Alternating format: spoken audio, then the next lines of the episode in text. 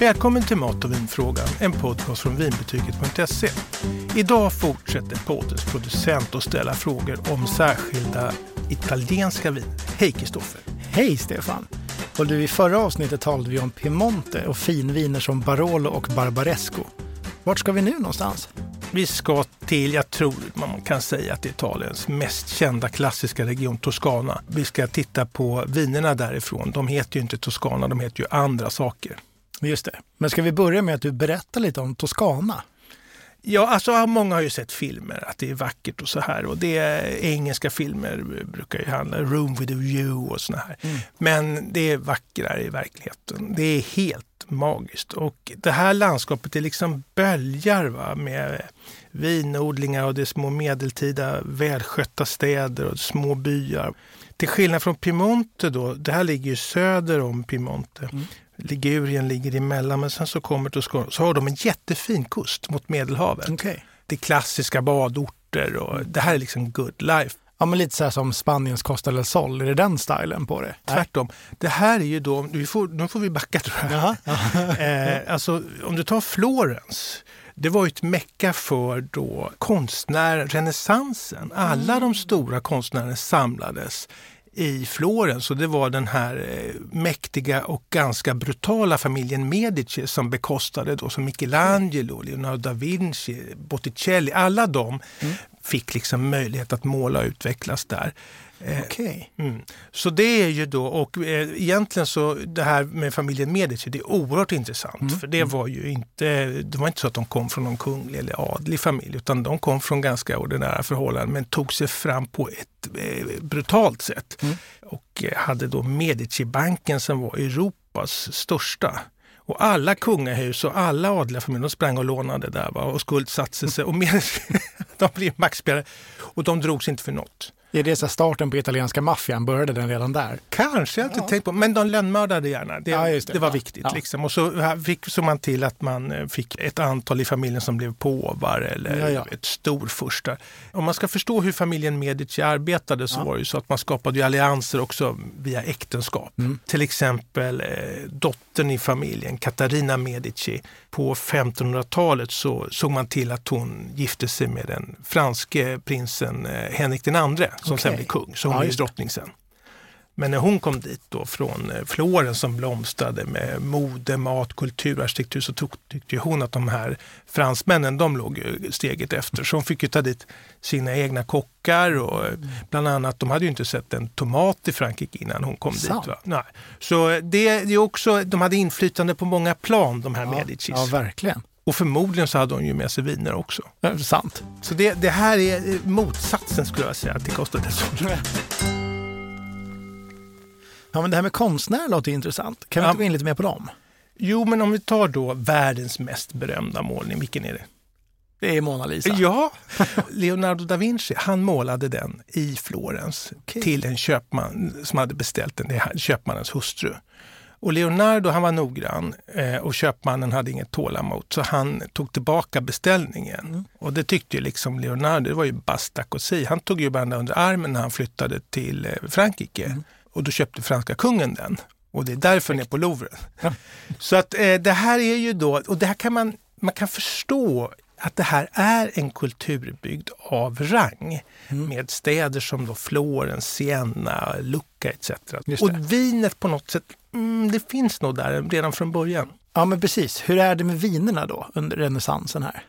Ja, jag generellt tror jag att vinerna var inte så goda. Men vad man kan säga är att det finns ju då vinhus som blomstrade under 1400-talet som lever än idag och levererar viner än idag. Bra jobbat! Och, ja, och ett av de vinerna har vi med oss här idag som ja. vi ska kika närmare på.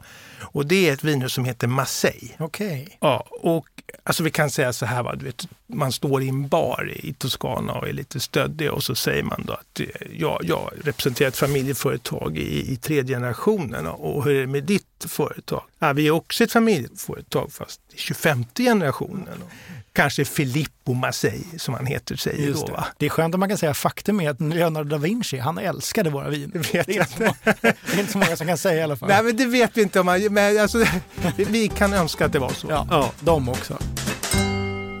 I Piemonte-avsnittet talade vi om att druvan Nebbiolo dominerar. Men vilka druvor är det som gäller i Toscana? Rent generellt så är Italien otroligt tätt med, med druvsorter. Alltså det finns 2000 registrerade druvsorter. Men några dominerar och den som dominerar i Toscana det är Sangiovese. Det är Toscanas nationaldruva kan man säga. Mm. Och den odlas på andra ställen. Det är inte bara i Toscana man ja, Men det känner jag ändå igen. Ja.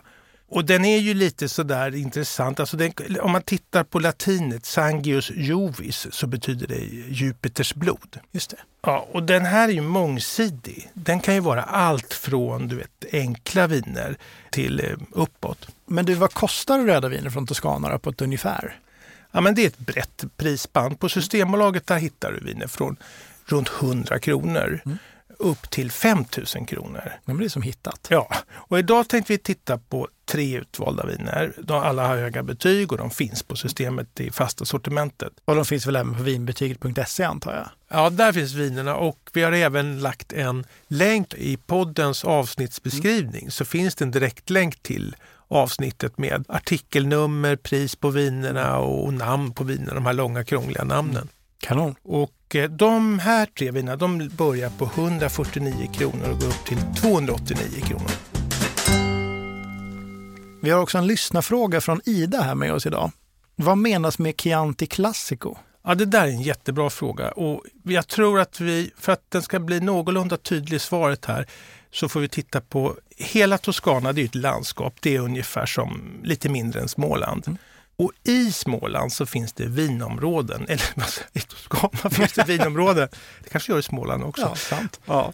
De har då, det är vissa områden som är bestämda och här innanför där gör vi de här vinerna under de här formerna. Och det största vinområdet det heter Chianti. Okay. Och i Chianti så finns det en delmängd man ska säga, som heter Chianti Classico. Och de har strängare regler mm. och det är liksom en, en sammanslutning av eh, vinbönder som gick ihop så vi ska göra viner på det här sättet. Och man måste ha haft det i 25 generationer och sådär också? Kanske inte riktigt, men i alla fall de har ju varit där och, och varit verksamma. Det växer inte upp liksom, det finns inga lediga nya, här gör vi en vinodling. Ja, eh, men, men man kan säga då att de här DOCG-reglerna som vi nämnde med Piemonte, då var det ju druvan Nebbiolo och då var det ditt och datt. Alltså då, nu är de lokala, nu när vi är i, i Toscana och Chianti Classico, då finns det andra regler där kring vilka druvor, det är Sangiovese och hur den ska användas och så vidare. Och det kan man säga att en Chianti Classico, den måste ha 80 procent Sangiovese. Sen kan det vara andra druvsorter resten. Vad man kan säga det är att om du står på systemet. Mm. Vänta, jag ska hämta en flaska här. Ja, det tycker jag. ja, just det. Så då ser du att om du vänder på den. Fonterutoli. Så ser du att det är en svart tupp. Det är det? Mm. Och varför är det det? I Florens eh, och Siena, de var två stormakter. Mm. Furstedömen som eh, hela tiden var i rivalitet och slogs om gränser och marker. Och då skulle man dela upp Chianti Classico mellan sig. Okay. Och då bestämde man att en riddare från Siena och en riddare från Florens skulle rida. Och där de möttes så skulle gränsen äh, bli. Mm. Och det innebar då att red man väldigt långt så fick man mer marker. Och, och, var man eh, långsam i, i vändningarna så hann man inte så långt och då fick man mindre. Okay, ja, och då skulle man börja när tuppen gol i Siena och i Florens. Mm. Siena tog en ganska fet mätt vit tupp och så tog då Florens en svart hungrig pisk tupp som naturligtvis vaknade i ottan och väckte sin riddare så han hann ju mycket längre. Smart! ja. Och då fick de alltså större marker, eh, Florens, för Chianti Classic-området där. Okay. Och det är än idag då så använder man den här svarta tuppen som symbol. Hur är det med vinerna? Chianti Classico låter ju ganska dyrt. Finns de också med i det här spannet som vi pratar om? Det finns ett tiotal i fasta ja. sortimentet ja. och eh, jag tycker att de är ganska så begripligt prissatta. Från 129 till 329. Ja, okay. Så det, det, det är hanterbart för de mm. flesta. Okej, okay, men finns det några andra vinområden i Toscana som jag ska känna till då? Ja, det är ju då Brunello di Montalcino och det är ju då ett eh, märkvärdigt område, också DOCG. Och det är också gjort på druvan Sangiovese men det är gjort av en så kallad klon och den kallas för Brunello den här varianten. Eller i vissa lägen så kan det stå Sangiovese Grosso. Okay. Om vi säger att jag skulle bjuda dig på ett glas och så öppnar jag och så häller jag upp det och då ser du att det är lite tegelfärgat. Det ser nästan lite rostigt ut. Mm. Och då får inte du protestera. Så, titta, det ska se ut så. Ja, okay. ja. Och man, det, man kan ju tycka att de här namnen är långa, man kopplar ihop två saker ofta då. Men om man dissekerar lite så är Brunello, det är druvan. Di Montalcino, den kommer från Montalcino. Mm, okay. mm. Och vad kostar de här Brunello-vinerna då på Systembolaget? Ja, men du hittar ganska många för runt 250 kronor. Mm. Och men de rusar ju uppåt också, kan okay. de göra, upp mot 5000. Men så det finns inga under där? Nej. nej. Finviner. ja, vars. Och finns det något ytterligare område där du vill nämna? Det finns ganska många i Toscana men jag tycker vi kan hålla oss, för att vara tydliga kan vi hålla oss till de viktigaste. Det finns ja. ett område som dels gör bra viner men som också har en, lite, eh, en förvirring i, i namnfrågan. Okay. Och det heter Vino Nobile di Montepulciano. Ja, men det låter simpelt och bra. Ja, och det är gjort av druvan eh, Sangiovese. Men det finns viner som heter Montepulciano som är gjorda på ett annat ställe i Italien, mm. i Marche, mm. då finns det en druva som heter Montepulciano. Mm. Och då kan man ju tro, wow, titta jag hittar ett sånt här Montepulciano-vin och så tror man att det är från Toscana, men då är det därifrån. Och det, det är betydligt enklare viner. Okay. Och där kan man se då på de enklare så står det ofta då för att man försöker väl undvika förvirring. Montepulciano d'Abruzzo heter okay. de. Så att det här, men Vino Nobile di Montepulciano, det är alltså alltifrån Toscana, från den här DOCG-regionen. Så snårigheten i Italien är alltså inte bara i Piemonte? det kommer vi höra mer om. Ja. Här har vi ytterligare en lyssnarfråga från Fredrik. Vad är en supertoskanare? Ja, och det här, det var, jag trodde nästan att det skulle komma en sån fråga, för det här är lite spännande. Super Tuscans eh, var väl någon eh, smart vinskribent som myntade det här begreppet på 1980-talet. Mm de här vinlagarna vi talar om, mm. som är i de här DOCG-regionerna, de kan vara begränsande för vissa vinodlare. De vill mer, de vill prova annat. De vill inte bara använda eh, Sangiovese till 80 procent utan de vill kanske odla och blanda med en annan druva. Mm. Och gör man det, då gör man liksom revolution och uppror. Och det kan man göra, men man får inte kalla dem DOCG. De får inte den fina benämningen. Och då var det främst en vinproducent, Sassicaia, som gjorde det här. Mm. Man tog bland annat druvor från eh, Bordeaux, okay. Cabernet Sauvignon som vi pratade om. Mm. Mm. Den importerade man och odlade. De här vinerna då, de gick under liksom någon annan flagg. De var ju liksom bastarder. De var, mm, mm. Så här kan man inte göra. Komma inte med. franska druvor? Nej, exakt. Ja, mm. ja, och inte, du ska bara vara Sangiovese här. Men de här eh, vann ju blindprovningar. Okay. Men det här är ett stort och väldigt spännande område. Så jag föreslår att vi nästa avsnitt handlar bara om supertoskanare. Så nu pratar vi då lite mer om klassiska mm, toskanare. Mm. De övriga toskanska vinmakarna, var de förbannade på de här som gjorde supertoskanare då? Ja, till en början var man upprörd och tyckte ja. att det här var då eh, konstigt, man bröt mot alla regler. Ja, det. Men det fick med sig något positivt. För att Chianti Classico och de andra mm. eh, regionerna då, eller områdena i Toscana var tvungna att skärpa sig. Okay. och göra bättre viner, renare viner. Så hela... Eh, För att hänga med? Liksom. Ja, ja, konkurrensen var verkligen utav godo. Ja, såklart. Så idag så är man då tacksam för att de finns. Och vi brukar ju alltid ha vintips. Finns det några viner att rekommendera härifrån? Det kan jag väl anta. Det var väl ledande fråga. Ja, men jag vill återkomma till det här vinet som jag nämnde från det här vinhuset Marseille. Som har hållit på och gjort fina viner. De har alltså tränat sedan 1435 så de har eh, vässat sig kan man säga. Får man hoppas. Ja, och de gör ju ett vin som heter då Fonterutoli. Mm. Och det är då en Chianti Classico. Och då, det, då, vet vi nu att det är då med Sangiovese-druvan. Och det här är då väldigt härligt fatkaraktär 2018, en jättebra årgång och det kostar 159 kronor. Och vad passar ett sånt här vin till? Det är ju ganska så, jag skulle säga att det är så kraftigt att du kanske inte bara vill ha det i glaset, du vill ha lite mm. mat som liksom mjukar upp det. Ja, det kan vara till, eh, det är ju medelfylligt och lite kryddor så det passar till ganska mycket lammkotletter med rostade grönsaker eller kycklingrätter eller allt grillat naturligtvis. Mm. Jag ska bara nämna här också att det här har ju då ett lite långt artikelnummer, men det kan vara en vägledning ändå. 32 229. Mm. Det finns faktiskt också en liten by som heter Fontorotoli.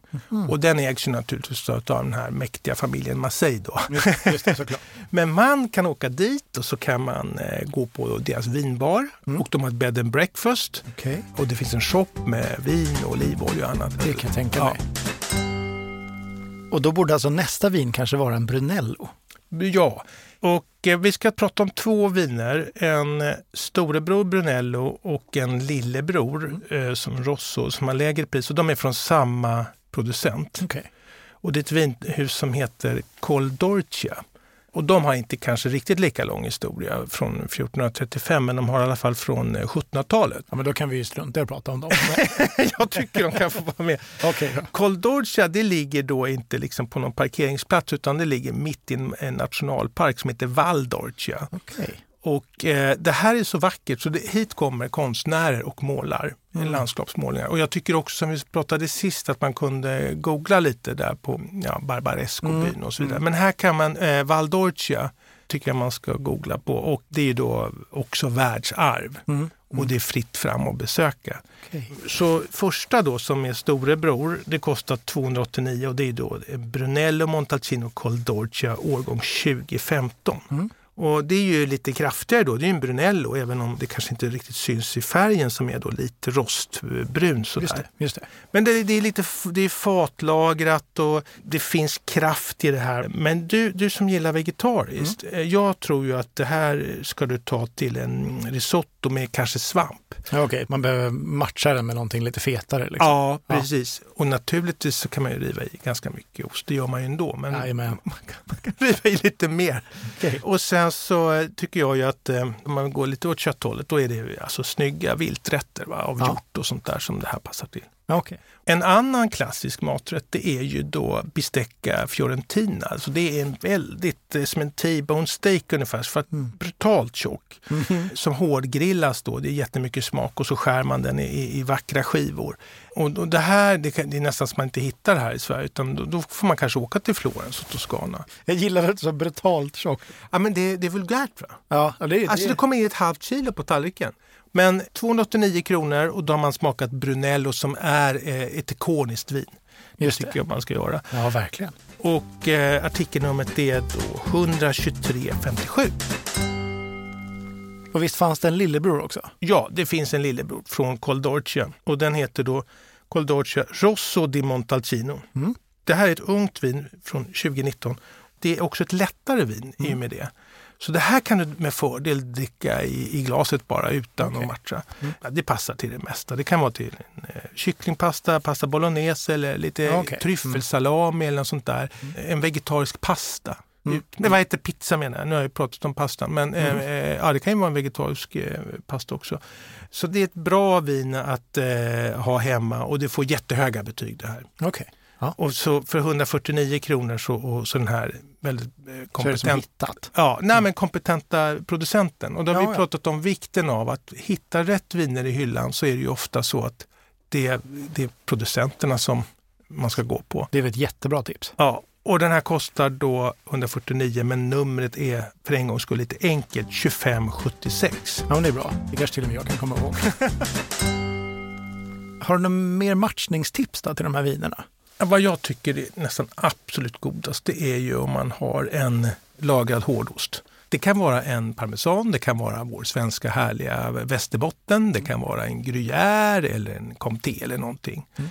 Och sen har man skivor eller man skär och så tar man en tugga ost och så tar man en klunk vin. Ja, det är ju himmelriket, så är det ju. Ja, den kombinationen tycker jag är helt magiskt. Det är svårt att sluta äta tyvärr. Va? Så ja. Man kan få sig både mycket vin och ost, men det är det säkra tycker jag. Mm. Och vill man göra något gott och man inte riktigt har ork att laga en middag, då mm. tycker jag att köpa en bit ost och så ta något av de här fina röda vinerna så mm. blir det jättebra. Men man ska inte blanda in, som jag pratat om tidigare, alltså mjuka ostar i den här världen. För okay. det kan skära sig och inte såna här ostar som har då gorgonzola och sånt där. Utan okay. man ska hålla sig till hårdostarna.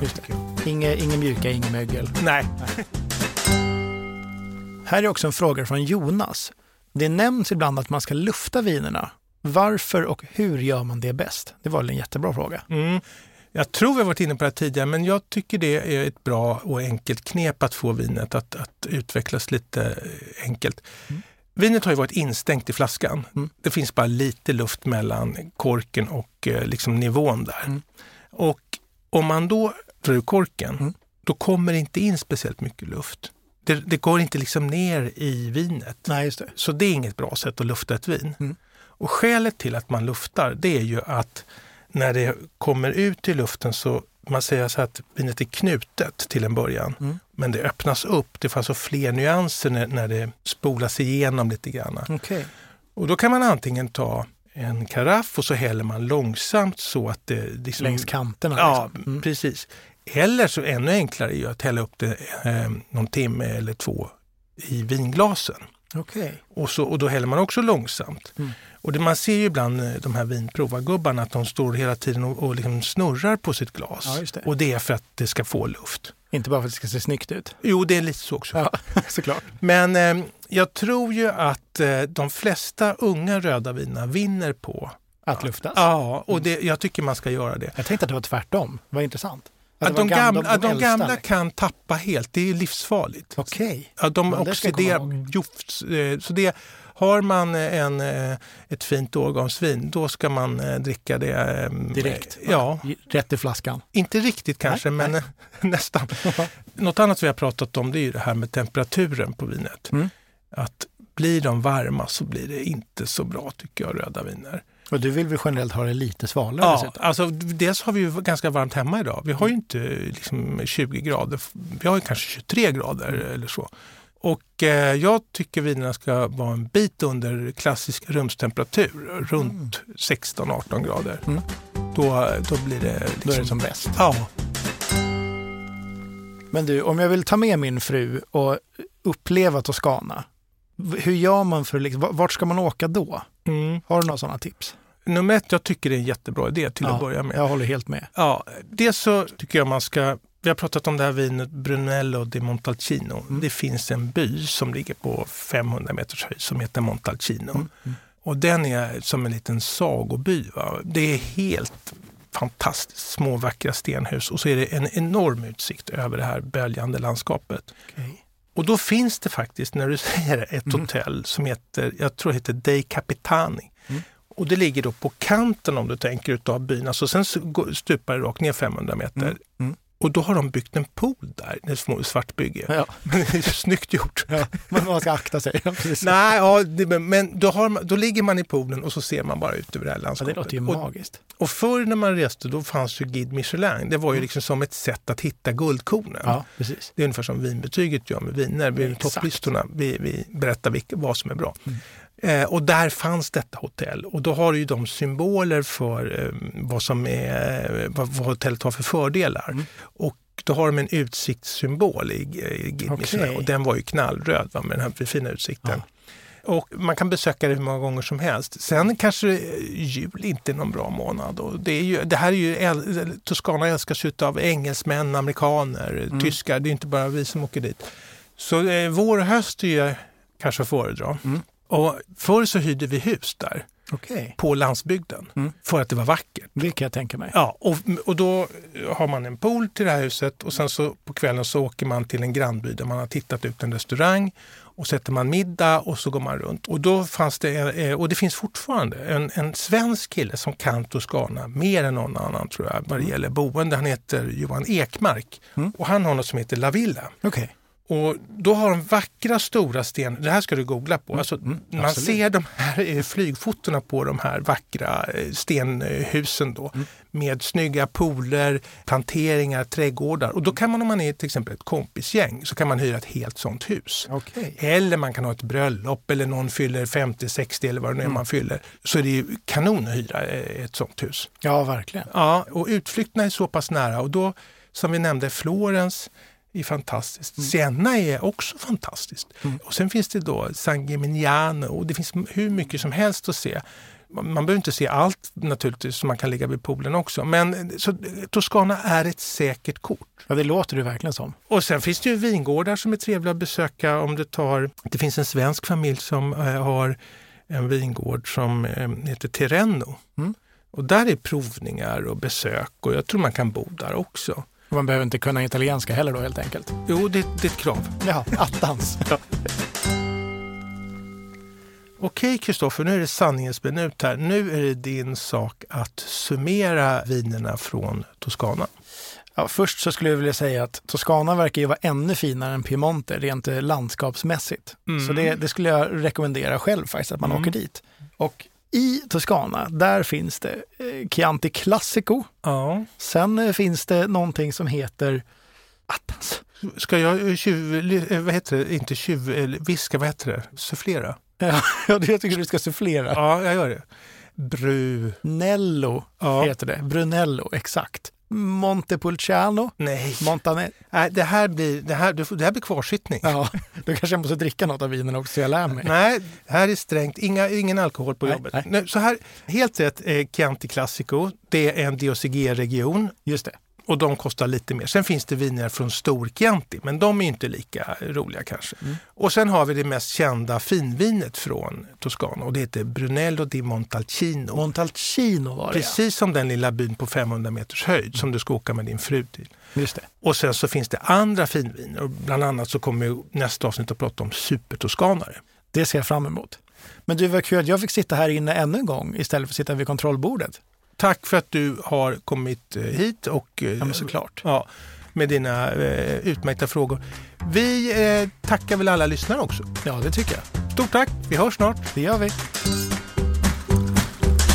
Har du frågor om mat och vin? Alla frågor är välkomna. Maila till mig på stefanvinbetyget.se